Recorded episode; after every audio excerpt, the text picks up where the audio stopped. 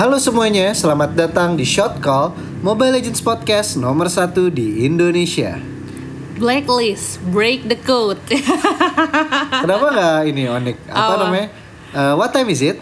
Apa? It's, morphin time. Eh enggak ya? kan yang menang, kan yang Oh, menang. iya, Tadi kalau misalnya Onyx PH menang, gue bakal bilang itu Lagian tadi. It's morphin time tuh bukan Onik sih. Iya, itu kan dari Power Ranger Gugu kan. Power Rangers.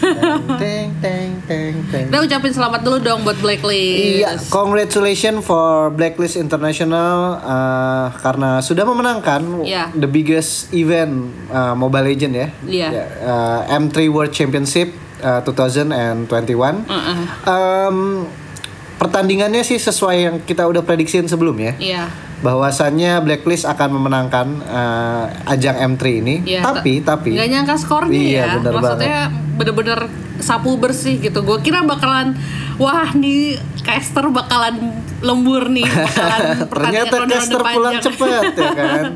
Seneng banget tuh. Iya, 4-0 4-0, aja. heeh. Ah, bener banget. Gak nyangka ya, kok bisa ya nggak ada perlawanan sama sekali ya? Nah itu yang kita mau bicarakan Tentunya Ah, masih dengan coach kita Coach Andri Halo. Dan gue sendiri Akyong Eh, Kita langsung aja bakal bahas fa- Grand Final M3 ya Iya. Antara Blacklist International versus Onyx PH All Philippine Final Di match pertama Yang dimenangkan oleh Blacklist dengan skor yang bisa dibilang lumayan tipis 18-14 Tapi untuk lengkapnya jalan pertandingannya eh, Kita tanya dulu kali ya Eh, Coach Andri gimana nih? Ada yang perlu di-highlight untuk game pertama? Em, kalau yang pertama tuh sebetulnya agak meresahkan ya untuk blacklist sejujurnya ya. Iya iya benar-benar gue agak ketekan gitu kan Iya, iya, di betul, early betul. to mid-nya. Karena di mana di sini kan Oheb tuh dua kali tumbang down, di early game banget. sama eh, solo kill sama Marky. Jadi emang ini buat teman-teman ya kalau misalnya eh, user Lily ya, kalian tuh sekarang tuh bisa banget pakai di gold lane buat ya Zoning. ngezoning Ya, benar dari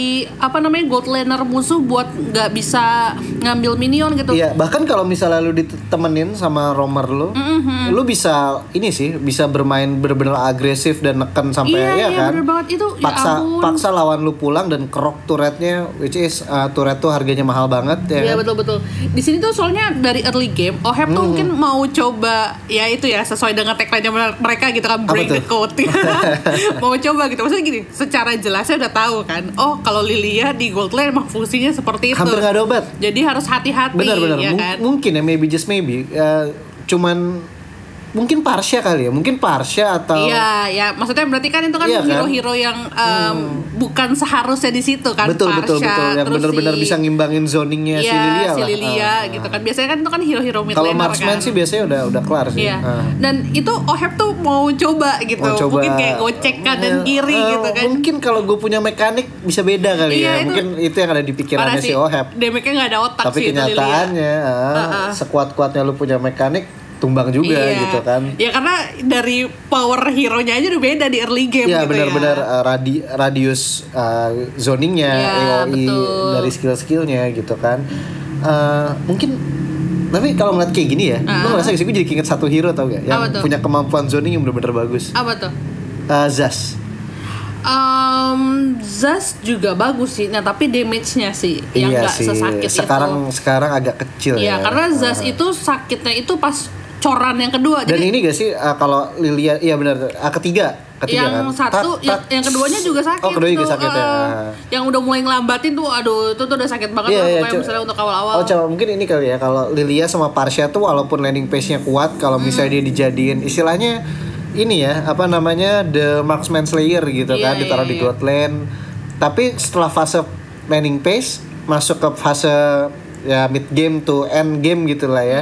Uh, di mana udah mulai team fight dan lain Hmm. Iya. sebagainya itu relatif lebih guna gitu ketimbang Iya, iya. Zas ya kan. setuju setuju setuju di meta yang sekarang nggak tahu Iya. patch besok gitu Oke, lanjut. Uh, Hmm. Edward itu kesulitan untuk menzoning menggunakan Uranus.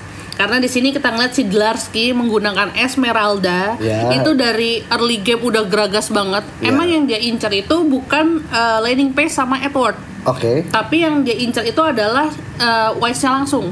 Oh, I see. Jadi dia tuh langsung ngobok-ngobok Jadi karena- lebih ke arah fast clear terus rotasi ke Iya, di mana betul. Wise berada gitu Betul, ya. karena kan biasanya kan kita kan taunya kan roamer kan yang tugasnya kayak gitu. Aha. Nah, tapi di sini tuh. Blaloyski itu tetap di tengah. Oke, Dusky yang tugasnya Iya, yang lebih langsung ngeganggu uh, nge-invade uh, hutan lawan Iya. gitu kan. Terus juga di sini kan Wise itu kan pakai Isunshin kan. Itu bener-bener apa ya? Ya kalau misalnya kayak bahasa kamu in Wise we trust gitu kan.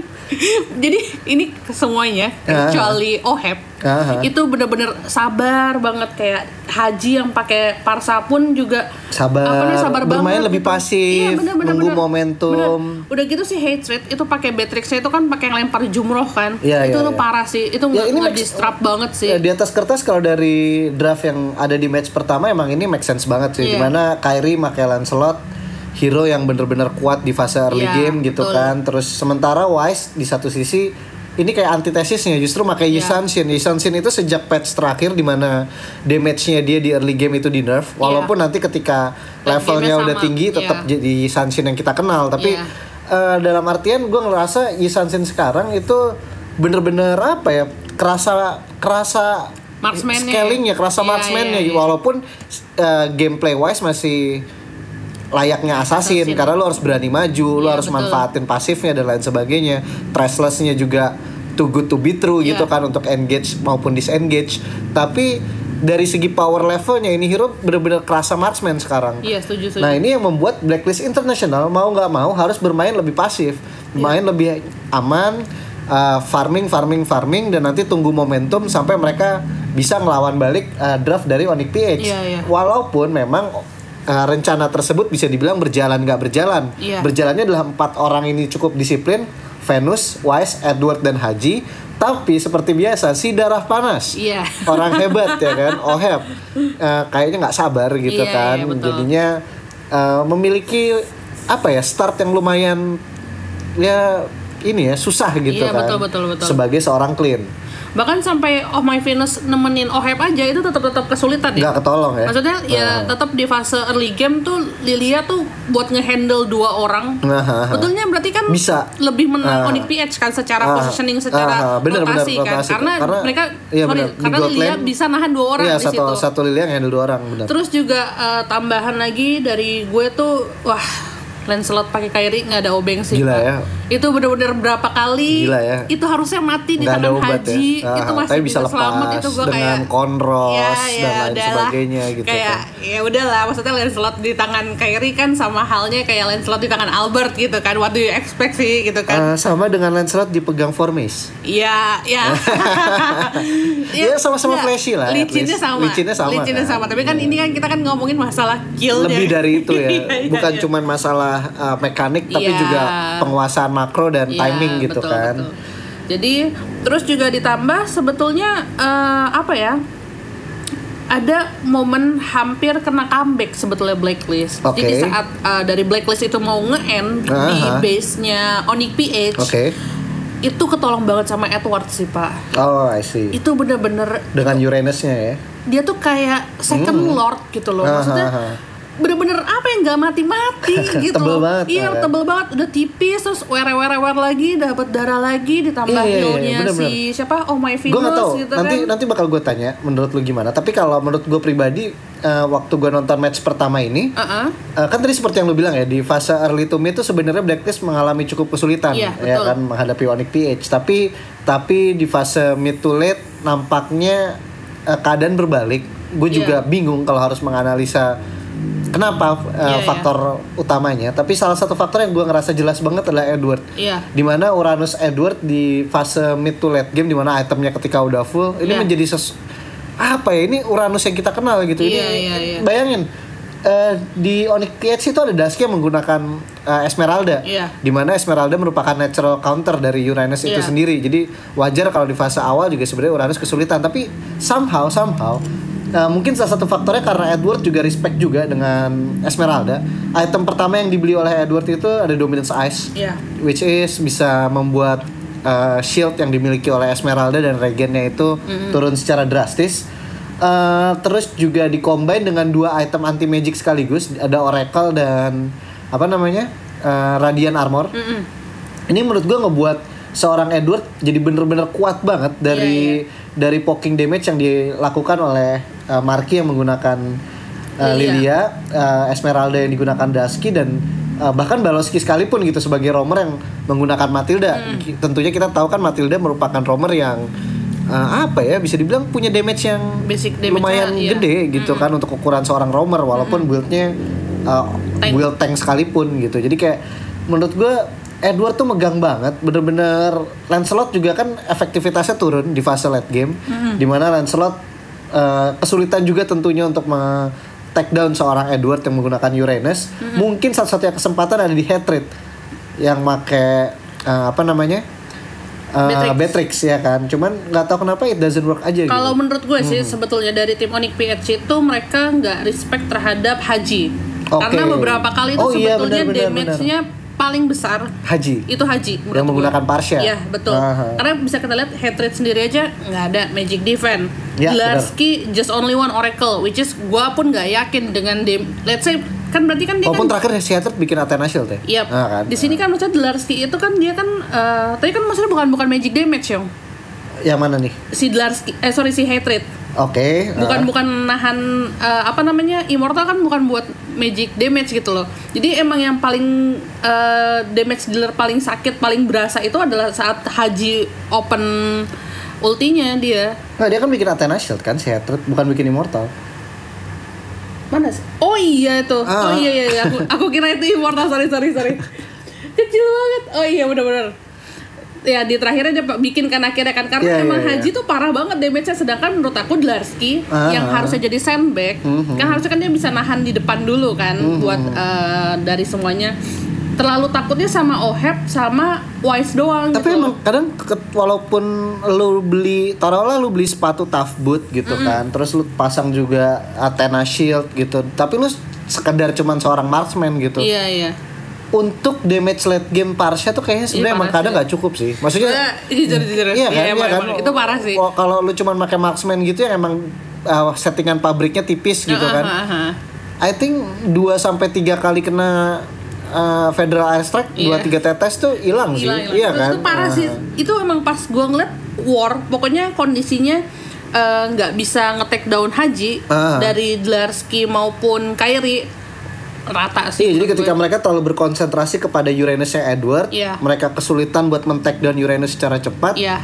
Di situ tiba-tiba Federal Airstrike dibuka, datang jeger jeger jeger, matilah gitu kan. dan juga kondisinya Edward itu jatuhnya tuh udah kayak assassin dia bagian yang nge-sandwich jadi di saat Oh, tipis coming from behind. Iya, di Nah. saat tipis langsung tuh dia Edward dari belakang ngelambatin orang-orang gitu kan terus Iya, ya iya, syukur-syukur bisa matiin kan gitu itu parah banget sih menurut gue Iya, iya benar-benar karena itu juga ya, pasti pede banget kan. Iya, Dengan iya, hero stable benar-benar. gitu dia ngelak maksudnya ya dia yang paling bisa ngelakuin hal itu gitu. Bayangin Iya, kalau iya. yang nge-sandwich dari depan wise gitu, jangan menggunakan Isansin. Pasti kan malah kita, oh udah gebukin balik aja Iya, gitu kan iya, sayurin betul, gitu. betul. Tapi ini nggak di justru Edward yang melakukan sandwich gitu kan.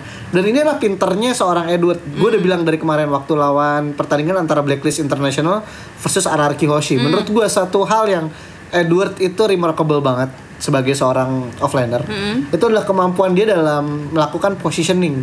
Jadi jangan salah, jangan kira cuman oh positioning itu yang punya harus mage dan marksman gitu. Iya. Enggak gitu. Bahkan lu sebagai offlaner lu juga harus punya positioning ya setuju kebanyakan offlaner di luar sana cari jalan gampang dengan make Yuzong. hmm. Di mana Yuzong memiliki Black Dragon Form yang jadi kan kayak lu bisa ngedive in dengan sangat mudah gitu kan. Tapi lihatlah Edward, dia tuh nggak terpaku dengan Yuzong gitu. Kalau kalaupun dia pakai ya you name it lah. Eh, siapa namanya? Lapu-lapu. Pakuito, lapu-lapu.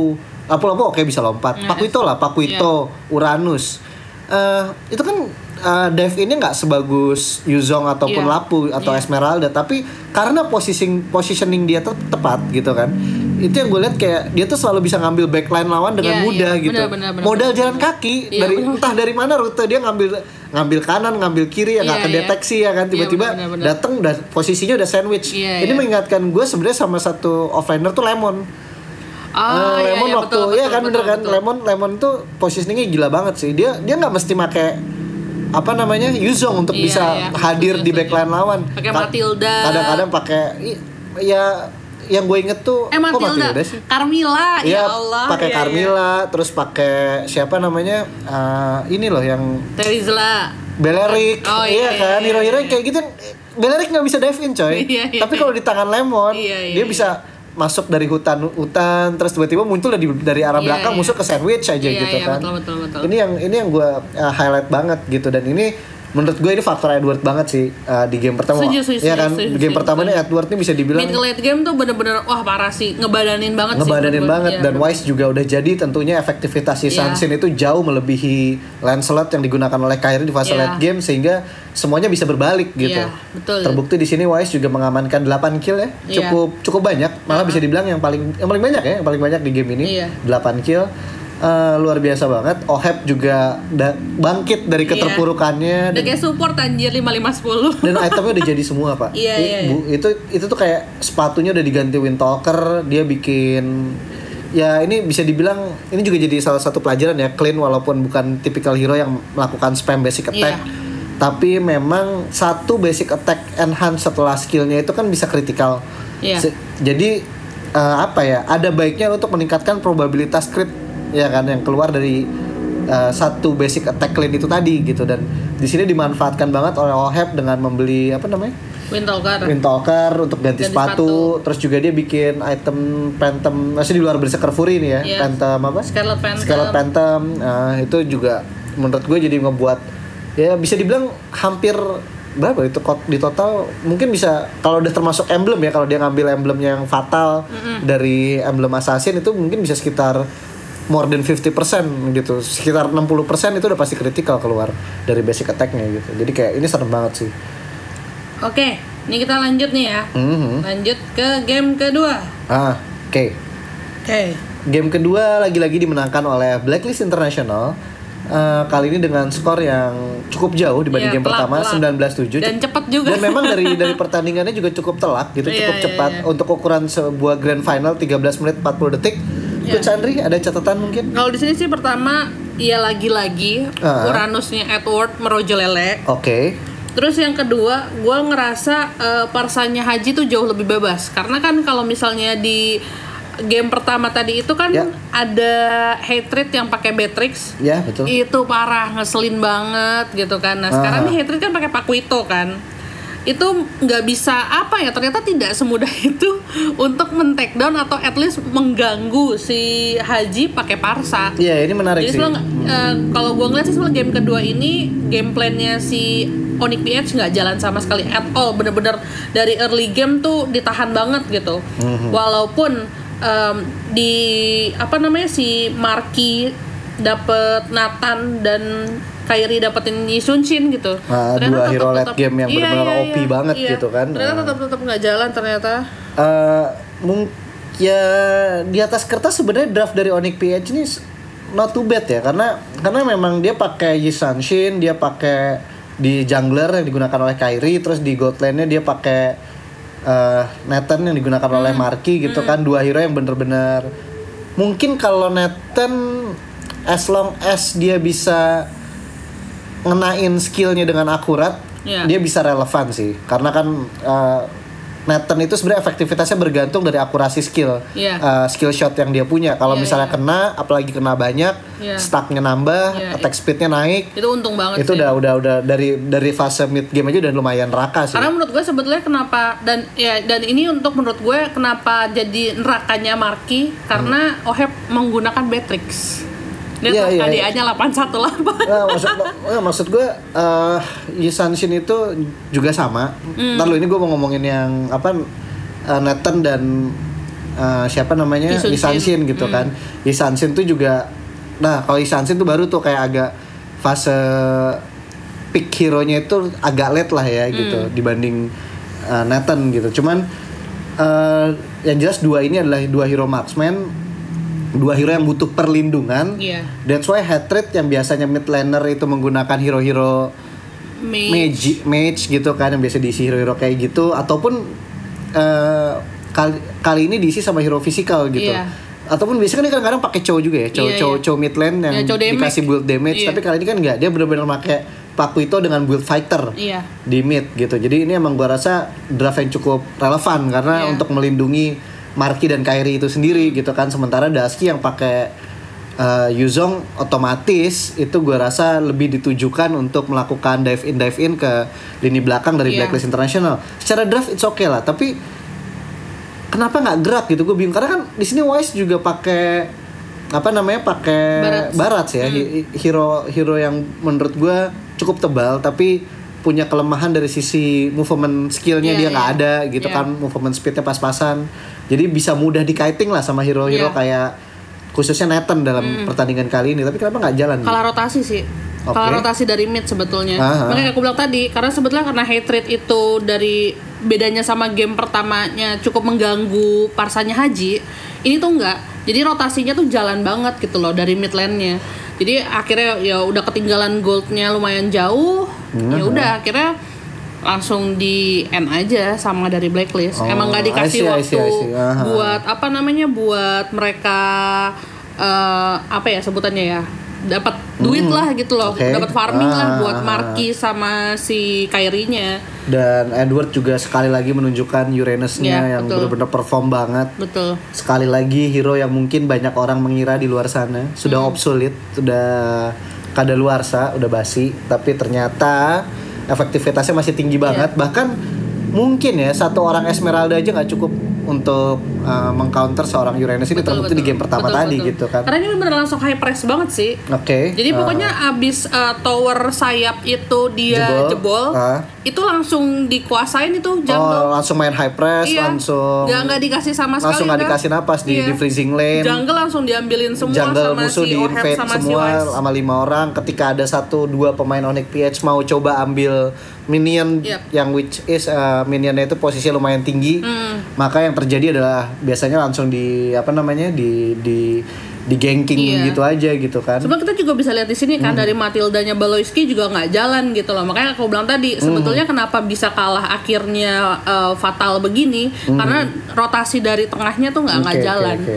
Udah kalah, udah mati duluan lah ibarat kata gitu kan. Ah, ah, ah, ah. Dan di sini juga gue seneng banget sama Wise gitu yang dengan ini nih yang gue suka lagi-lagi trik. Ya, kalau kemarin gue bilang Esmeralda tuh cocok banget buat jadi pengguna Azure Blade pagi-pagi. Karena nambah 10% cooldown sekaligus memastikan Esmeralda tidak kehabisan mana, di sepanjang pertandingan. Ada satu hero lagi yang juga bagus menggunakan Azure Blade. Karena ini Wise sudah mempraktekkan juga. Setuju, menggunakan Barats ya. Iya. Barats Barats tuh ketika dia menggunakan Azure Blade pagi-pagi nggak perlu dijadiin dulu. Iya. Beli item lain yang lebih perlu gitu kan. Dia beli War Axe mungkin untuk menambah damage-nya. Dia beli Dominance Ice untuk mengurangi efek regen dari Yuzong dan Pakuito yang di mana Pakuito juga beli Bloodlust Axe gitu kan. Iya. dia punya spell fam. Eh, dia beli dulu yang namanya Anti Kuiras dia beli dulu yang namanya Athena Shield. Azure Blade nya dianggurin aja tapi memang Iya, Azure Blade ini bisa ngejaga eh, satu cooldown dari Baratnya itu sendiri naikin basic damage dari basic attack satu basic attack setelah skill yang dia tentunya bisa dia spam juga di sepanjang pertandingan. Dan yang paling penting adalah eh, ngejaga mana dia supaya nggak terlalu berketergantungan sama blue buff gitu. Iya, jadi kadang-kadang kayak gue perhatiin kayak eh, ini udah it's time for blue buff. Tapi kayak ya kalau emang ada yang lebih penting misalnya kayak dibutuhin di team fight sebagai Iya, badan dan apa ataupun apa pun itu rebutan objektif seperti turtle nah Iya. itu di situ OS bisa hadir Iya, tanpa perlu khawatir mananya bakal terlalu bocor gitu Di mana kan kan kita tahu kan sebetulnya kalau kita menggunakan barat sendiri kan sebetulnya aduh itu benar-benar ketergantungan banget sama skill gitu loh buat Iya lo tetap benar-benar tetap dan jaga bisa lo mana gitu bocor kan. sih kalau lu Iya. nggak ambil blue buff. Iya, Makanya betul, kan betul. kalau uh, offliner bar barats itu biasanya sepatunya udah pasti sepatu mana. Oh, oke oke. Iya oke, kan. oke. Tapi karena dia ini barats jungle dalam Iya. artian Dia mananya sebenarnya udah cukup dari buff biru, Iya. tapi kalaupun dia telat ngambil buff biru, Iya. ada Azure Blade sebagai ibaratnya apa ya kayak eh ini kali ya eh, jaring pengaman sosial Iya, dari Jaga-jaganya lah. Iya, jaga-jaga barat kehabisan mana gitu. Oke, sekarang kita lanjut ke game. Lo kok nggak sih digoyang? Eh, ah, oke. Oke. digoyang digeser. Digeser. Masa tablet digoyang gitu kan. Di- Eh, sorry. tablet digoyang. Cak. Oke. Untuk game ketiga, Ah, guys. Ini walaupun Iya. Em, apa ya? Lagi-lagi sih menurut gue dari early gamenya itu bener-bener udah owning banget ya. Mhm. Di mana Wise itu di early game Mhm. kayaknya belum ada dua menit deh kayak satu on the way dua menit gitu ya menit kedua Yes. gitu ya Wise mendapatkan double kill Wow, dengan which is salah satunya yang dia kill adalah Kyrie Oke, oke. itu cukup oke. fatal kan sebetulnya maksudnya gini eh, as a jungler aja kalau misalnya lu bisa bikin jungler musuh balik aja itu udah bagus kan so dalam artian Aha. udah kalah rotasi gitu Benar, kan benar, benar. tapi ini dia bisa ngekill gitu Mhm. terus abis itu em, kayaknya Oheb menggunakan Nathan tuh masih belum apa ya mas gue nggak bilang fase sih Hmm. gue bilangnya belum nyaman dia beda sama Oheb make Beatrix gitu ya kan. betul itu benar-benar ke apa ya ketahan banget lah ya sebetulnya juga karena Ya menggunakan walaupun Parsa, Marki juga kan. pakai Parsia sekali Iya, lagi. iya, Ini iya. kan mirip sama eh, apa namanya skenario di game pertama. Iya kan. iya iya. Itu benar-benar apa ya? Marki tuh haus darah banget gitu loh, Iya, Oheb iya. gitu loh. Jadi benar-benar kondisinya udah tipis. Oheb tuh masih bisa kabur gitu kan. Nah. Dikejar pakai burung, Pak. Ah. Itu kondisinya belum ada sama-sama belum punya ulti ya, dua-duanya ya.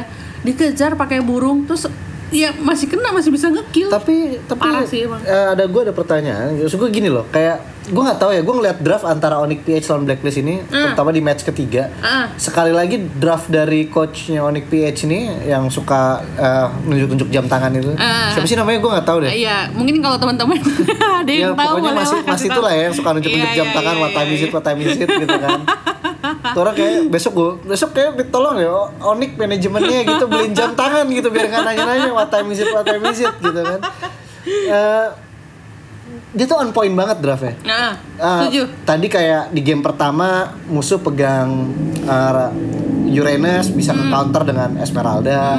Terus juga di game kedua banyak hero hi- ada dua hero tebel di sana ada Barats dan juga ada uh, Uranus iya, juga. uh-uh. Terus dia bisa mendapatkan hero kiting sebagus Nathan Iya, ya kan. Di game ketiga ini juga menurut gue ya kalau kalau lu lihat Haji di sini di mid lane dia pakai instead of pakai mage mage kayak if gitu-gitu dia pakai Beatrix. Beatrix. Uh, gold lane-nya Oheb pakai Nathan. Nathan dua hero projectile lah ya bisa dibilang Iya, di sini betul. Dengan cermatnya si Onyx PH ini mencoba mengcounter dengan menempatkan seorang Lolita di posisi Iya. roamer. Terus juga gue perhatiin ya maksud gue untuk pick off ke belakang eh, Dusky as ya masih dia pakai Uranus gitu Iya, iya. sebagai sandbag I think more than enough lah apalagi Iya. ditambah di sana ada Lolita sekali lagi Iya. head rate ditaruh di mid laner menurut gue ini juga yang pakai Cho eh, harusnya ya di atas kertas bisa melakukan manuver-manuver Hmm. untuk men-take down eh, lini belakang dari blacklist gitu. Hmm. Belum lagi ditambah ancaman dari Parsha, hero, salah satu hero high ground paling bagus di meta sekarang. Hmm. Setuju. mungkin saingannya cuman if doang Setuju. yang juga bisa men-take down marksman dari jarak jauh Iya, gitu betul. kan. Ini kalau menurut gue tuh kayak uh, Onyx PH punya semua resep gitu Iya, yang betul, dibutuhkan untuk um, menaklukkan draft dari Blacklist International. Betul. Tapi lagi-lagi nggak it doesn't work gitu. Iya, karena Kenapa sih? eh, kalau misalnya Aha. pas pertandingan tadi itu, Nah, yang match ketiga ini. parsanya Marki itu terlalu cepat ke take down. Oke, itu. Jadi ya. itu Aha. satu meders Positioning banget ya. kan. Aha. Satu. Terus em, kedua itu Baloiski ternyata sebagai Lolita Aha. Eh, damage yang dihadapi itu bukan dari Oheb maupun dari Haji, Oke. tetapi Oh, itu bisa. dari Esmeralda maupun Wise. Oh. Jadi oke. sebetulnya pas peperangan itu terjadi nggak ada gunanya Baloiski di Jadi situ. ah, Blacklist International bisa ngatur posisi mereka sedemikian rupa Betul. supaya si Baloski ini mau nggak mau malah ngadepin Wise dan sibuk sama Wise dan Edward, Edward, yang yep. pakai Esmeralda. Yep. Sementara MMM mereka bisa cari posisi lain Ya, untuk menaklukkan ya misalnya yang lebih mahal kayak Marky, iya. Kyrie yang pakai Yushanshin Iya. mungkin. Jadi kondisinya di saat em, Edward dan Wise ini berhasil buat em, maksa Baloiski ngeluarin at least shieldnya aja Oh, iya. gitu kan skill duanya Ah, kan ah. Itu langsung baru Iya iya iya saya benar-benar eh, benar. Haji Benar-benar, ataupun si Oheb damage-nya baru masuk sama situ. yang gue inget juga ketika Hatred mau coba ngambil ini belakang dengan Chow-nya mau Iya. melepaskan Way of Dragon ke Iya. hero-hero ringkih Itu dari Blacklist sih. itu kayak selalu bisa ke stop sama Venus kan Iya, iya. Venus selalu nyimpen sama itu pak sama kena skill duanya si Oheb Oh iya iya iya itu juga iya. Terus apa? mereka kan pada pakai purify juga Pak- kan. iya, benar. Itu parah sih. Uh, tiga banget. purify Iya, iya, iya. skill duanya Nathan Iya. Terus juga ada apa namanya sih Uh, Venus tuh uh, pars eh apa? parsial lagi uh, Holy Baptism. Holy Baptism Iya. dari uh, Rafaela Iya, gitu itu kan sedih banget sih. itu ngebuat hatred tuh kayak cowoknya nggak jalan Iya, gitu iya, gameplaynya nggak nggak Nah, jalan Hmm. kondisinya sebetulnya untuk game ketiga ini mereka itu ingin bermain split push sebetulnya. Oke, oke. Eh, si hatred itu lagi-lagi di lane atas Ya. Untuk nge-push, terus si um, Dlarsky menggunakan Uranus lane bawah. ya Tapi Blacklist itu kayak doesn't give a fuck with it. Aha, mereka yakin bahwa eh, ya gue nggak tahu ya mungkin keyakinan mereka adalah dengan perhitungannya gitu ya Hmm, hmm. mereka tetap maksain war di tengah dan nggak tahu kenapa hatred sama Dlarsky nggak ngelanjutin untuk split push maksudnya kayak ada perasaan Oh. tega buat kayak bener bener bener oke oke oke oke oke Ah, iya, gue kuatin iya. hati gue buat maju nih Paham gitu gue. kan Ini ini ini yang menarik dari draft Onyx PH ketika dia menggunakan uh, fighter di sisi mid laner. Sebenarnya Iya. termasuk di game kedua ya. iya iya iya Ketika dia menggunakan Pakuito lah, Hatred ya Iya, dalam hal iya. ini mid lanernya itu Pakecho lah. Eh, kelihatannya oh iya satu ini untuk melindungi lini belakang mereka yang uh, bia- biasanya kalau udah pakai formasi kayak gini pasti lini belakangnya tuh mahal. Iya. Kayak contohnya di game ini ada Parsha. Iya. Eh, terus nanti nanti biasanya eh, memang terjadi pertukaran di mana Iya. Parsianya itu relatif cenderung eh, lebih berpartisipasi dalam peperangan peperangan atau ikut dalam posisi-posisi ganking dua tiga hero yang keliling-keliling gitu kan di hutan dan eh, mid lanernya ini sendiri justru switch ke sayap jadi nanti mereka bisa jalanin dua sayap di waktu yang Iya, bersamaan betul, bersama betul. dengan offlanernya si Daski gitu Iya. kan. Eh, biasanya sih biasanya ini works. Dalam artian paling nggak musuh jadi kebingungan. Iya kayak waktu lawan RRQ dan ini sebenarnya kebingungan sih dalam art- bukan kebingungan sih tapi mungkin dalam artian cukup mengancam. Karena kan sebenarnya eh apa namanya inhibitor tar turret dari Blacklist International di sisi atas tuh iya. eh, hilang duluan kan memang Enggak, hampir hilang. Nah, hampir hilang sorry sorry ya Iya. maksudnya tapi maksud gue eh, apa namanya in, eh, middle dan outernya juga hancur duluan Iya, udah kan hancur duluan, Eh, iya. jadi kayak kayak Makanya- sebenarnya ini awalnya cukup sukses Iya, awalnya awalnya cukup sukses Makanya asalkan kayaknya hatred tuh bener-bener eh, ada keraguan sih di Iya situ iya sebetulnya, eh, karena Fireball. mereka doesn't give a fuck. Iya. Eh, yaudahlah kita juga dia mau ngambil taret kita, kita juga ambil taret Iya, mereka iya, dan iya. sama tiba-tiba si Hatred itu memutuskan untuk oke, Iya, I'll- iya. ah, gue stop sampai di sini, gue Iya. recall, gue bakal bantu teman Iya, gue iya, gitu kan iya, karena iya. Mereka kesulitan buat men-take down eh, lini belakang dari Blacklist Iya. International. Mungkin mereka butuh gue. Dan sekali lagi mungkin maybe just maybe ini juga karena tadi ini kayak itu kayak ini tau kayak apa namanya efek domino gitu loh kayak Iya, iya, kayak iya. kayak butterfly effect dari Marki yang tadinya diharapkan bisa diandalin Iya. buat uh, men-take down hero-hero lini belakang dari Blacklist International ternyata terlalu cepat mati positioningnya nggak jalan Uh, jadinya dia bu juga bukan seorang Edward Iya. Dusky itu offlaner hebat Iya, iya betul. tapi memang dari segi tadi gue bilang nggak semua offlaner itu bisa datang ke lini belakang lawan dengan jalan kaki. Iya, iya, setuju, itu, itu setuju. kayak cuman kemampuan yang selama ini gue lihat cuman dimilikin sama Edward sama Lemon doang gitu. Iya, iya, iya. setuju, Eh, setuju. Dusky cukup kesulitan buat uh, nge-bypass lini depan dan tembus ke lini belakangnya Setuju, Blacklist.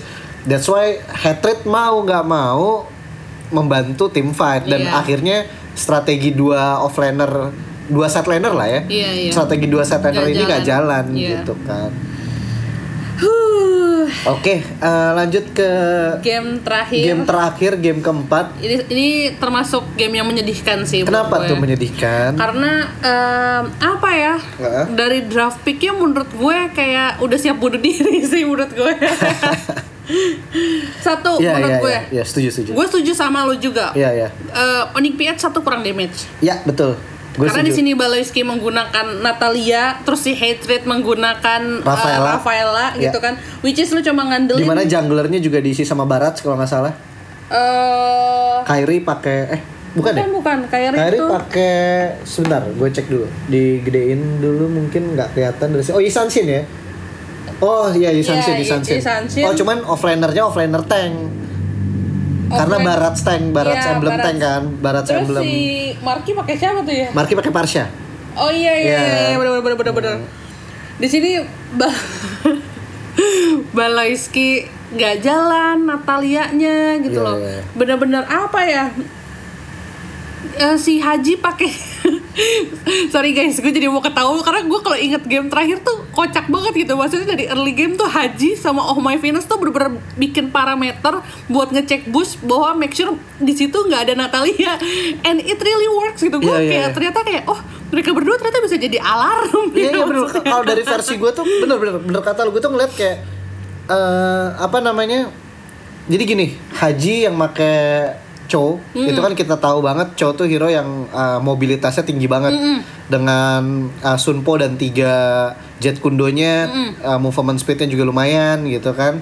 Eh, ya salah satu hero yang cukup bagus lah buat berkeliling eh, seisi map tuh iya iya iya iya. bisa diandelin lah Iya, iya, bener-bener. selain Batsia misalnya. Nah, eh, di sini gue lihat kayak arahan dari coach Boncan gitu kayak seakan-akan ya seakan-akan nih ya Hmm. seakan-akan kalau terlihat di lapangan.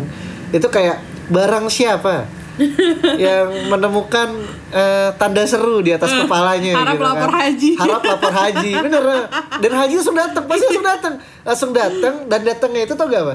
Datang dengan item pertama tuh kalau nggak salah gue nggak tahu dia bikin itu dulu atau sepatu dulu. Aha. tapi yang jelas eh, satu sampai dua item pertama tuh dia udah jadi molten essence. Iya iya iya di mana molten essence ini cukup dengan ada di dekatnya si siapa namanya Natalia Iya. itu kebuka tuh Iya, ya iya. kan kebuka tuh jadi kayak ini keren banget sih oh, Venus nggak usah ditanya Lev dan ini menarik gitu kayak Ah. eh Estes di band iya Rafaela Langsung diambil. langsung diambil sama uh, Hatred ya kalau nggak salah. Iya Iya, benar kan benar, sama, sama Hatred. Hatred, uh.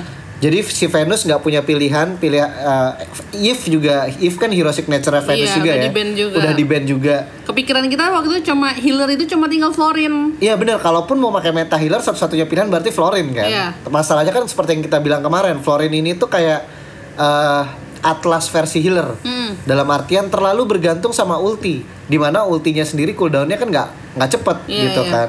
Eh, Oke lah dia mungkin bisa lu lu bisa beli fleeting time, tapi kan fleeting time akan slot item, Hmm. di mana slot itemnya si Florin juga kita tahu udah mepet karena kan Iya. ada satu biji tuh yang ngabisin Bijinya. eh, iya.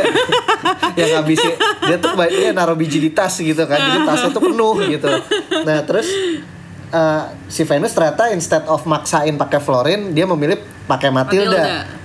dan ternyata ternyata eh, draft Rafaela ini nggak dijadiin roamer, Roamer, tapi iya. malah dijadiin mid laner. Dia nyimpan lagi tuh satu satu twist lagi di mana Iya. roamernya ternyata adalah Natalia. Ya, karena ngelihat sebetulnya ada dua marksman di situ Ah, bener, kan, bener. Oheb sama Tapi si kan kalau Wise. ngeliat track recordnya seorang Venus, ketika dia nggak dapet Rafa, ketika dia nggak dapet Estes, ketika dia nggak dapet Eve, pilihan keempat kan obvious sebenarnya. Iya. Dia bakal pakai Matilda. Iya, kan? iya, betul, betul. Sepanjang M3 ini jarang udah udah jelas Iya. gitu.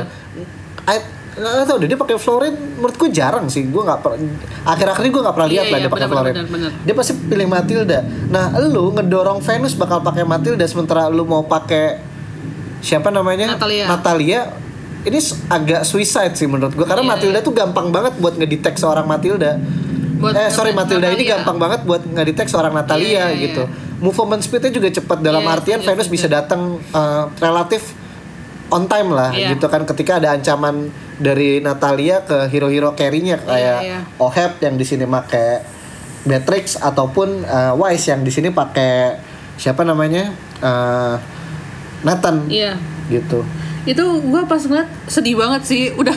Iya, iya, Maaf ya, gue tuh jadi kayak kebayang kayak kenapa gue kena mulu kesannya tuh kayak blacklist tuh kayak nyari babi ngepet tau gak lo? Iya, iya, iya. Bener-bener kayak, wah kejar-kejar. Pokoknya bener-bener war Baloski stres sih itu Baloski stres nggak akan dimulai sama Iya, iya. blacklist kalau misalnya Natalianya belum, belum mati. belum mati bener Baloski stres sih Parah sih. dan sulit banget untuk Baloski menemukan celah padahal ini dua marksman Iya, iya, benar-benar. ini ada Beatrix ada Nathan Iya. harusnya kan di atas kertas eh, ya it's time for Natalia to shine lah ya Iya, iya, betul. tapi ternyata enggak karena kalau tadi faktor yang tadi kita bilang Iya, itu itu iya, ngebuat iya. Baloski tuh ruang geraknya sempit Bener banget bener bener banget. Karena si Haji menggunakan Chow sama si uh, Venus. Omega Venus itu pakai Matildanya. itu neken banget Iya Bener-bener ngejaga nyari, nyari, ngejaga nyari. bus di Nah, bener, bener, abis bener. clear land langsung nyari di bus mana tanda seru mana tanda seru Sus- gitu. susah banget, Iya makanya kan gue bilang kayak berburu babi ngepet gitu loh. dan celakanya lagi si Baloski ini kayaknya di terutama di aw- fase-fase awal permainan cukup nekat. Iya, iya, jadinya bener, bener, malah lebih buruk lagi. Bukan Iya. cuman dia nggak bisa dapat kill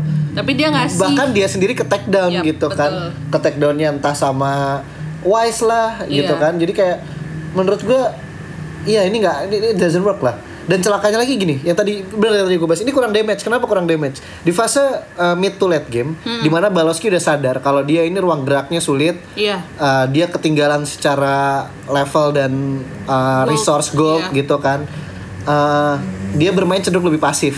Dia menunggu dia menunggu dia nunggu terjadi war dulu uh, 5 lawan 4 otomatis karena kan dia nggak bisa nggak bisa terlibat terlalu banyak Yap. gitu kan Uh, di sini gue lihat Onyx PH itu punya mereka outnumbered otomatis by uh, Blacklist International Iya. war selalu diisi 5 lawan 4 di mana Balki Iya. cuma bisa nonton Iya. dari rumput-rumput Eh, celakanya lagi dari 5 lawan 4 itu dari 5 lawan 4 itu bayangin ya dari 4 hero yang dimiliki oleh eh, apa namanya Onyx PH. Onyx PH Rafaela nggak punya damage Iya, betul. ya kan Ishanshin di early game juga nggak perlu ditanya. di early game nggak punya damage juga Ya. udah jelas tadi kita udah bahas Yisanshin ini sekarang eh, secara apa namanya momentum power peaknya itu cenderung makin kayak marksman konvensional gitu Iya. baru baru baru mulai relevan ketika ya mungkin tinggal sisa satu item Iya. terakhir yang belum jadi itu udah mulai udah lumayan oke lah Iya, iya. tapi sebelum itu dia relatif damage-nya kecil gitu kan.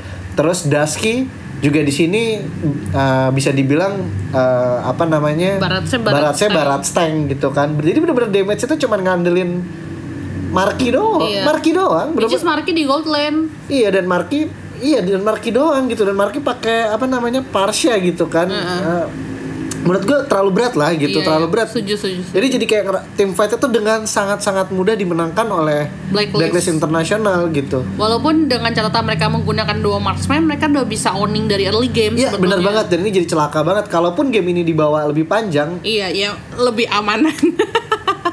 lebih buruk lagi gitu. Iya, iya ini aja 13 menit 38 itu udah cukup telak dengan skor 14 kill ya dima- Iya. diamankan oleh Blacklist berbanding dengan Onyx yang cuma mengamankan 6 kill gitu. Iya.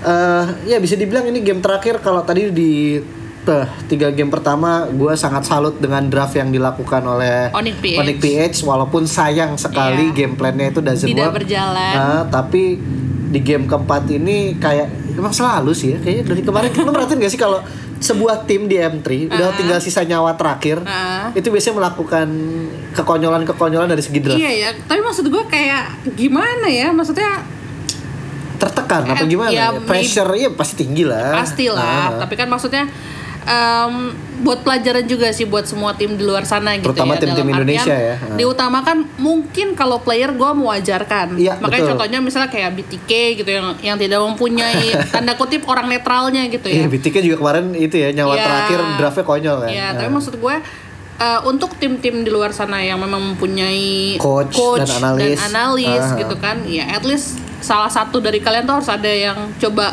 bisa berpikir jernih di bawah tekanan. Betul sekali. Karena ya untuk gue setuju lagi sama lo untuk Iya, uh, iya. draft pick game 1 sampai ketiga Ah, benar-benar. it's a good gitu loh. Ah. Nggak nggak ada masalah lah menurut gue. Emang emang gameplaynya aja yang nggak berjalan Ini, gitu ini kan ternyata. waktu ini ini sih kita kita berdua nonton salah satu videonya RRQ Mm-mm. ya kan yang naik apa sih roller coaster di Universal Studio Oh, iya, ya iya, kan iya, ada kan iya, sebelum iya, M3 iya, jalan iya. tuh yang Iya, iya, yang iya. mereka uh, inilah relaxation dulu Iya, iya, tim bonding iya. lah ke Iya. Universal Studio terus kan kayak si Acil nyuruh-nyuruh pemainnya buat naik uh, apa namanya kayak roller coasternya Iya, yang serem iya, tuh iya, terus iya. kayak kalau gue mah nggak usah terus kita ngelawak kayak ya kalau coach mah nggak perlu ngelatih mental Iya, gitu iya, ya kan iya, ternyata iya. nggak juga ya Nggak juga. Coach Ternyata emang butuh- emang justru menurut gue coach Aha. itu justru malah yang bebannya lebih gede. Karena kenapa? Mhm. Satu lo yang eh, istilahnya apa ya kayak lo berkebun gitu kan Mhm. ya lo yang menanam iya iya iya Iya kan? iya, iya. Tapi yang bikin uh, mental lebih berat lagi adalah bukan lo yang menuai. Oke oke oke Iya kan? oke. Maksudnya, oke, paham paham. Um, lo tuh diharapkan untuk bisa membaca satu sampai dua Step ahead. ahead Ah, ketimbang player-player lo gitu Ah, loh. ah, ah. Karena dengan ya itulah makanya coach itu gunanya adalah untuk game plan. iya benar benar Iya kan? Lu bikin kerangkanya ya anak-anak lu yang harus bisa fill in di situ gitu Ya, sih menurut gue. Itu sih benar-benar. Gue gue mungkin yang gue lihat di sini adalah satu faktor pertama ya. Mm-mm. Game Mobile Legends ini udah cukup lama, Mm-mm. udah cukup mature. Yap. Lima tahun gue rasa bukan waktu yang uh, Cepat. bu- Iya bukan waktu yang mudah lah untuk sebuah video games bisa bertahan Iya. gitu. Lima tahun ini udah cukup panjang dalam artian uh, kita nggak usah ngomongin M3, Iya. kita ngomongin perbedaan gap mekanik antara public dan apa Uh, pro pro, player player, aja aja udah mulai makin makin tipis. tipis, gitu kan. Eh, jadi kayak ini yang menurut gua ngebuat apalagi kalau kita udah ngomongin event sebesar M3 gitu. Eh, udah nggak bisa lagi kita kayak Indonesia dan Filipina sebagai eh, salah dua dari beberapa negara lah ya Iya, iya. yang culture Mobile Legends-nya ini dari awal udah udah hype gitu. iya, iya. Udah nggak bisa lagi ngandelin itu doang gitu. Iya, Karena negara-negara yang baru mungkin baru hype di negaranya untuk uh, memainkan MOBA ini juga gua rasa udah mulai bisa mengejar ketertinggalan secara penguasaan hero, Iya. mekanik terutama mikro dan lain Setuju, sebagainya. setuju. That's why di sini peran coach itu menjadi sangat sentral Iya, gitu iya, dalam iya. Iya kan kalau misalnya let's say 5 lawan 5, 5 5 11 12 maka kan yang punya im- pengaruh paling gede di sini adalah draft yang diturunkan oleh coach dan game plan yang mereka punya gitu kan. Terus yang kedua ya tadi gitu ini bukan sepak bola. Iya, Kalau sepak bola lu jadi pelatih cukup teriak-teriak di pinggir lapangan ya kan Iya, nggak iya. diburu waktu santai gitu. Lu yang penting otak lu pinter lah ya gitu. Lu lu Hmm. emang benar pelatih nggak perlu punya mental buat maksudnya eh, pelatih tuh nggak perlu apa ya? nggak perlu uh, make ya fast decision nggak terlalu lah gitu Iya, ketimbang iya, iya, ketimbang ketimbang pemain-pemainnya gitu. Yang penting dia bisa dengan kepala dingin tenang dengan kondisi yang tenang uh, meracik strategi dari Iya, timnya. iya. tapi kalau di Mobile Legends kan beda. Di Mobile Legends fase draft pick tuh ada waktunya. Iya betul betul. Iya kan? Iya iya. Ya, lu bahkan coach pun ternyata di bawah tekanan waktu Iya, gitu iya, iya. Uh, jadi kayak perlu sih seorang uh, coach dan analis juga uh, apa ya gimana caranya mereka bisa berpikir dengan tenang Mungkin cari coach itu kali ya yang jago main game RTS sebetulnya. iya iya iya benar benar eh, benar real time dia. strategi gitu. Nggak- Jadi nggak- dia apa namanya maksudnya uh, under pressure-nya tuh bisa memanage gitu loh Iya benar benar benar benar gitu setuju kan. gua karena di event yang sebesar ini pasti stress levelnya juga Iya, beda. iya, setuju, setuju. Terus ya, zaman sekarang gitu kan Instagram, Iya, iya, Twitter, benar-benar. toxic toxic banget. Pressure-nya pasti iya kan, Iya, pressure-nya setuju, pasti setuju. gede. Bikin tambah stres. Belum emang. lagi ya fase-fase grafik waktunya juga nggak panjang Iya, iya, dan iya. tim-tim sekarang gue lihat terutama kalau apalagi gue udah model Connect PH jujur ya eh, tim dengan variasi strategi paling luas menurut gue Nick PH Setuju, setuju. setuju. bener gak sih Setuju, setuju. Setuju. PH tuh kayak bisa bermain dengan meta healer, bisa tiba-tiba muncul Selena, Makanya Romer terus eh, nguasain gue map di jujur, fase early. Untuk pembahasan ini gue tuh mau ngerelate ke pembahasan karena kan sebelum mulai itu kan tadi kan ada quickie kan. Oh ya si Nah, John. terus yang Ah. jadi bintang tamunya Coach Ah, kan. ah, ah. Gue agak nggak setuju sih sama omongan Apa ya? dia mana, kalau yang misalnya kayak dia pas bilang em, kalau misalnya PH itu mereka ngeluarin meta-meta yang mereka belum bisa handle sama sekali gitu kan. Oh dia ngomong gitu? Iya, dia Masa sih? ngomong gitu. Ya, dia bilang contohnya misalnya kayak Ah. uh, Aldos uh, Oh maksudnya nggak nggak bisa tim kita handle? Iya, oh, gitu. Maksudnya kira ada maksudnya perbedaan iya, iya, iya. meta di situ, Meta-meta gitu. Filipin nggak Iya. bisa dihandle sama uh, tim Indo. Iya. Nah. Menurut gua gini, kan lo ada scream satu. Pasti Ah. sebetulnya ya publik aja udah bisa nyoba duluan gitu Iya, iya, Maksudnya benar, kayak benar. Aldo Tank buat jadi jungler Benar, benar, gitu benar, kan. Walaupun gue yakin banget belum tentu yang melakukan itu mengerti why-nya dalam Iya, artian tapi kalau lu coach harusnya lu ngerti lah. Iya. Hmm. Nah, makanya maksud gue kalau misalnya alasan lo seperti itu menurut gue sorry to say sih itu Ah. kurang profesional sih. Maksudnya ya lu pasti di scrim kayak gue bilang tadi ekspektasinya masa iya sih lu di scrim gak pernah ketemu Iya, iya gitu setuju gue, kan. setuju gue. Dan uh, satu satu lagi kalau gue boleh nambahin. Apa tuh? Come on, meta-meta kayak gini kan bukan meta kemarin sore. Iya makanya maksud gue kayak lah ini kan udah dari season Iya, kan? 7 pun juga udah keluar Mending gitu season 7 bu Maksud gue Nih ya uh, Acil, Zeus Mm-mm. uh, You name it lah Iya. Bahkan gak usah coach deh Player aja R7 mm. Uh, Siapa Mid lanernya Aura Facehugger Uh, Facehugger. Itu kan pensiunan Dota Iya, iya. Iya kan pensiunan Dota Uh, banyak lah gue yakin pe- pemain-pemain kita atau uh, coach-coach uh, tim MPL Indo itu Iya. yang backgroundnya tuh udah dari zamannya Dota, League of Legends, Iya.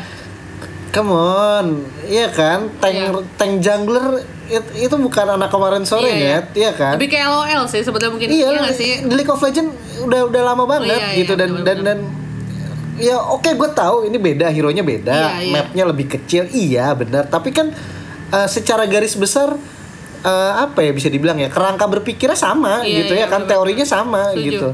Jadi iya sih menurut gue nggak make sense sih. Gue yakin tim-tim Indonesia juga Iya, makanya maksud gue nggak kaget sih kalau ketemu sejujurnya gini, meta-meta gue nggak mau bilang kalau Indonesia itu ketinggalan meta. Setuju, gue juga gak setuju. Mungkin Benar. dalam artian kalau lu misalnya ibarat kata meta ini adalah sulit, tapi kan kita udah ngerti sendiri. Kita belajar dari metanya dulu. Meta tuh apa sih artinya kan? Ah. Most valuable, eh most effective taktik A-nya Iya, apa gue nggak tahu lah. Available kan? Iya kan? ya itulah. Bukan maksudnya. Ya, pokoknya itulah kurang ya. lebih maksudnya meta itu adalah Ah. eh, yang paling efektif. Nah, Kalau misalnya dalam artian Filipin untuk eh, dengan patch yang sekarang meta yang digunakannya adalah yang terefektif, hmm. kenapa kita nggak belajar? Iya bener bener bener. Kenapa lu mau coba ngelawan meta itu? Bukan kan ngerti kan lu maksud Iya, gue? iya, dan- dan- Bukan berarti lu harus Iya, menemukan benar, meta benar. baru yang bisa melawan meta itu gitu Iya loh ya, maksud gue. d- 8 jam sehari latihan scrim, I think more than enough Eh, lah. iya, makanya Ah, maksud gue, ah, kalau untuk, misalnya- untuk, untuk ngetes kan gimana cara nge-counter meta kalau tersebut. kita main Mobile Legend, kayak makanya waktu itu gue salut banget sama BTK. Hmm. Kalau emang lu yakin lu nggak bisa ngelawan dari sisi mekaniknya, just mirroring. Iya ya dan kalau gue boleh saran gak sih kalau kalaupun misalnya gini kayak iya tapi kan yang uh, misalnya tadi kan kalau contohnya Al- Aldos jungler itu jarang dipakai tim lain selain blacklist Ah. Iya. dan gak setiap hari mungkin lu scrim dengan blacklist. Iya. The way I see it, kenapa nggak lu coba misalnya kayak tim minusnya at least ya, at Hmm. least you can do kan maksudnya paling nggak emang ini nggak akan sama dengan Iya. melawan blacklist dan blacklist tentunya juga nggak akan buka semua kartunya Iya, di setuju.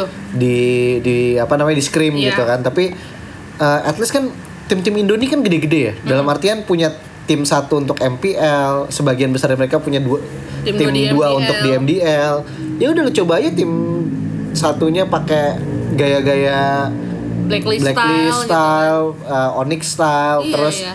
uh, lu coba nge-counter dengan teori yang lu punya kasih ke tim B-nya itu kan Iya. kayak kalau berhasil itu udah pasti taktik lu berhasil karena kan Iya. pasti gini tim A sama tim B tim MPL sama tim MDL Iya, tim MPL pasti secara kualitas pilot mekanik makro lebih kuat iya. kalau misalnya lu dengan game plan yang tepat bisa naklukin tim MPL MPL, lu dengan modal materi pilot-pilot MDL berarti kan ada kemungkinan there is a chance lah untuk lu Iya, bisa nyetop blacklist ataupun Iya. siapa pun uh, meta Iya. PH yang Setuju. Makanya gue tuh entry. jujur lebih salut sama tim Aura karena di situ dia tuh berani nyoba. Makanya Iya, kan kayak benar, setuju gue. Amon Amon Tank itu sama tadi kita nonton tadi dia pakai apa tank? Helker Helker tank mbak bu gila kali ya iya itu sih makanya maksud gue ya kayak at least lu nggak ada salahnya untuk nyoba sih. Bener, bener, makanya bener. tadi untuk meta sendiri bukan masalah kayak lu bilang tadi how to lu belum bisa nemuin meta how to handle Filipin meta gitu. Ya Iya. kenapa lu nggak coba pelajarin metanya Filipin kalau misalnya memang ter- mungkin ya dalam Iya, artian iya. Filipin itu yang works gitu metanya Yeah, dan paling tepat it's- untuk iya, yang bener-bener. sekarang It's gitu. not something new gitu. Iya, makanya maksud Ini gua- udah dari MPL season 7 apa gengsi maksudnya dalam Iya kan? artian kayak ih masa kita Indonesia nggak punya meta sendiri sih apa gimana gue nggak Iya, ngerti iya. deh Al- sebetulnya Al- Aldous Jungler tuh udah lama banget iya kan. makanya maksud gue eh, ayolah Hmm. jujur gue ngomong begini karena keresahan gue sih gue pengen aja gitu mungkin ya kalau misalnya gue Kita kembali lah Indonesia Iya, kembali lah. kesempatan ngobrol gitu kan sama coach-coach besar eh, di timnya Indonesia gitu gue penasaran aja sih maksudnya Hmm. sih ya wajar sih wajar. decision making lu tuh alasannya wajar apa wajar sih wajar. gitu Karena kan ya ini ya bukannya mau toxic atau apa tapi Iya. kan uh, kita kan tuh kan juga nggak nggak nggak yang apa sih namanya menghujat tanpa alasan. Kita Iya. juga nggak menghujat juga sih. Iya, kita, kita jatuhnya kita juga. Kita Mempertanyakan, inilah, mempertanyakan iya. gitu kan. Uh, mempertanyakan dengan sopan gitu. Iya. Cuman memang bener sih gue gue paham banget itu wajar banget bahkan ya kalau di luar sana ada netizen netizen yang maksud gue lumayan toxic dan lain sebagainya gue pun sebenarnya gue nggak membenarkan Hmm. tapi gue di satu sisi juga tidak aneh gitu karena Iya, ya iya. memang ya itu karena kita M1 All Indonesian Final Iya.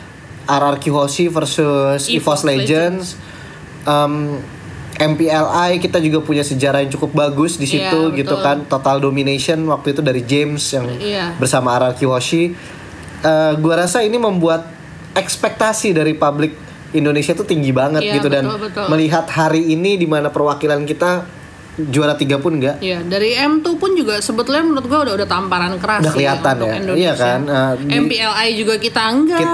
M2 kita bisa ngamanin posisi tiga Iya. walaupun tapi kan peringkat duanya itu Myanmar, Cok. Iya.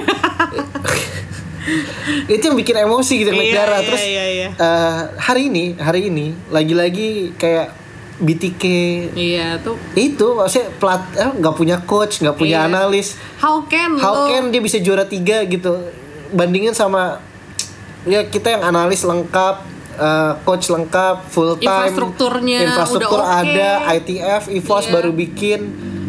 Ya, come on, mereka tuh tim warkop gitu. Iya, Eh, iya. sorry ya, gue kasar mungkin di sini Iya, dengan, tapi iya. emang that's the fact gitu. Iya, iya, iya. BTK tim warkop, Iya. iya kan? nggak punya coach terus mereka juga bukan full time eh, apa ya komitmen Eh, for pro player bahwasannya gitu kan. mer- em, mereka nggak juara itu salah mereka sendiri kenapa mereka nggak nyari coach mereka kenapa mereka nggak coba nyari investor, Investor, atau iya, lain iya, sebagainya menurut gue ya BTK bahkan deserve nggak juara tiga gitu. Maksud gue itu gue udah dari awal bilang kayak BTK ini delusional inilah hype semata lah Iya, gitu. iya, iya. tapi ya tetap aja dengan ada fakta di mana tim Indonesia nggak bisa berdiri lebih tinggi dari BTK Iya, iya. Amerika tuh gue ngerasa kayak iya itu sih maksud gue poin besarnya di situ apalagi sih kita mau ngomongin nyali Filipin Iya, gitu iya, kan. Itu kayak gue kecewa banget sih. Dan tentunya Singapura Malaysia itu juga udah sangat kompetitif Iya, nggak setuju, bisa dianggap setuju. remeh ini Setuju. menye- membuat netizen kita agak insecure Iya. ya kan dan Ayolah, makanya gue makanya- bilang wajar kalau udah mulai panas gitu iya kan iya setuju setuju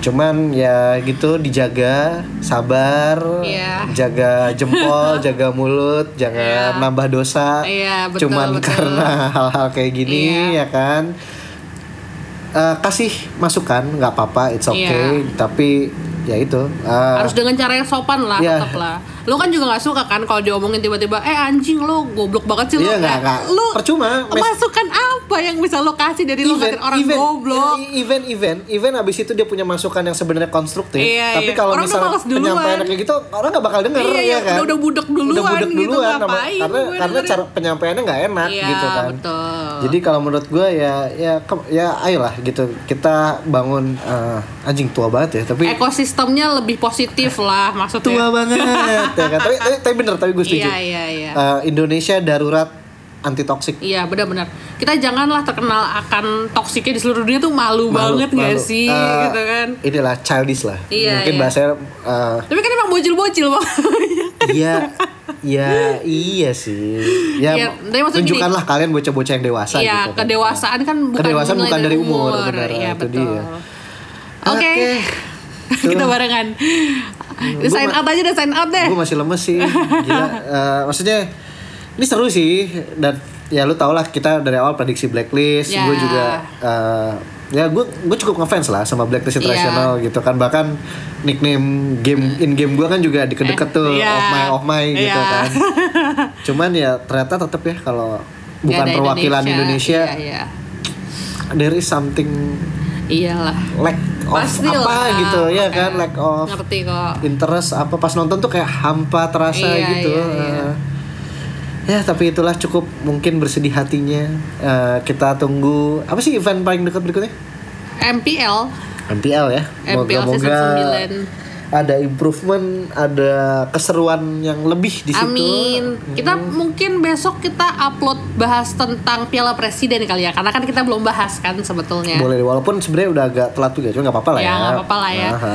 Karena kan kalian mungkin penasaran juga kali kan. mungkin Maksudnya banyak kayak, kalian yang nggak nonton juga Iya, karena kan ketutup hype-nya M3 gitu kan Betul. Oke, gitu aja kalau untuk episode ke berapa nih? 12 12 eh, Akyong, cabut. Coach Andri cabut. Dadah. Dadah Bye-bye. semuanya, bye-bye.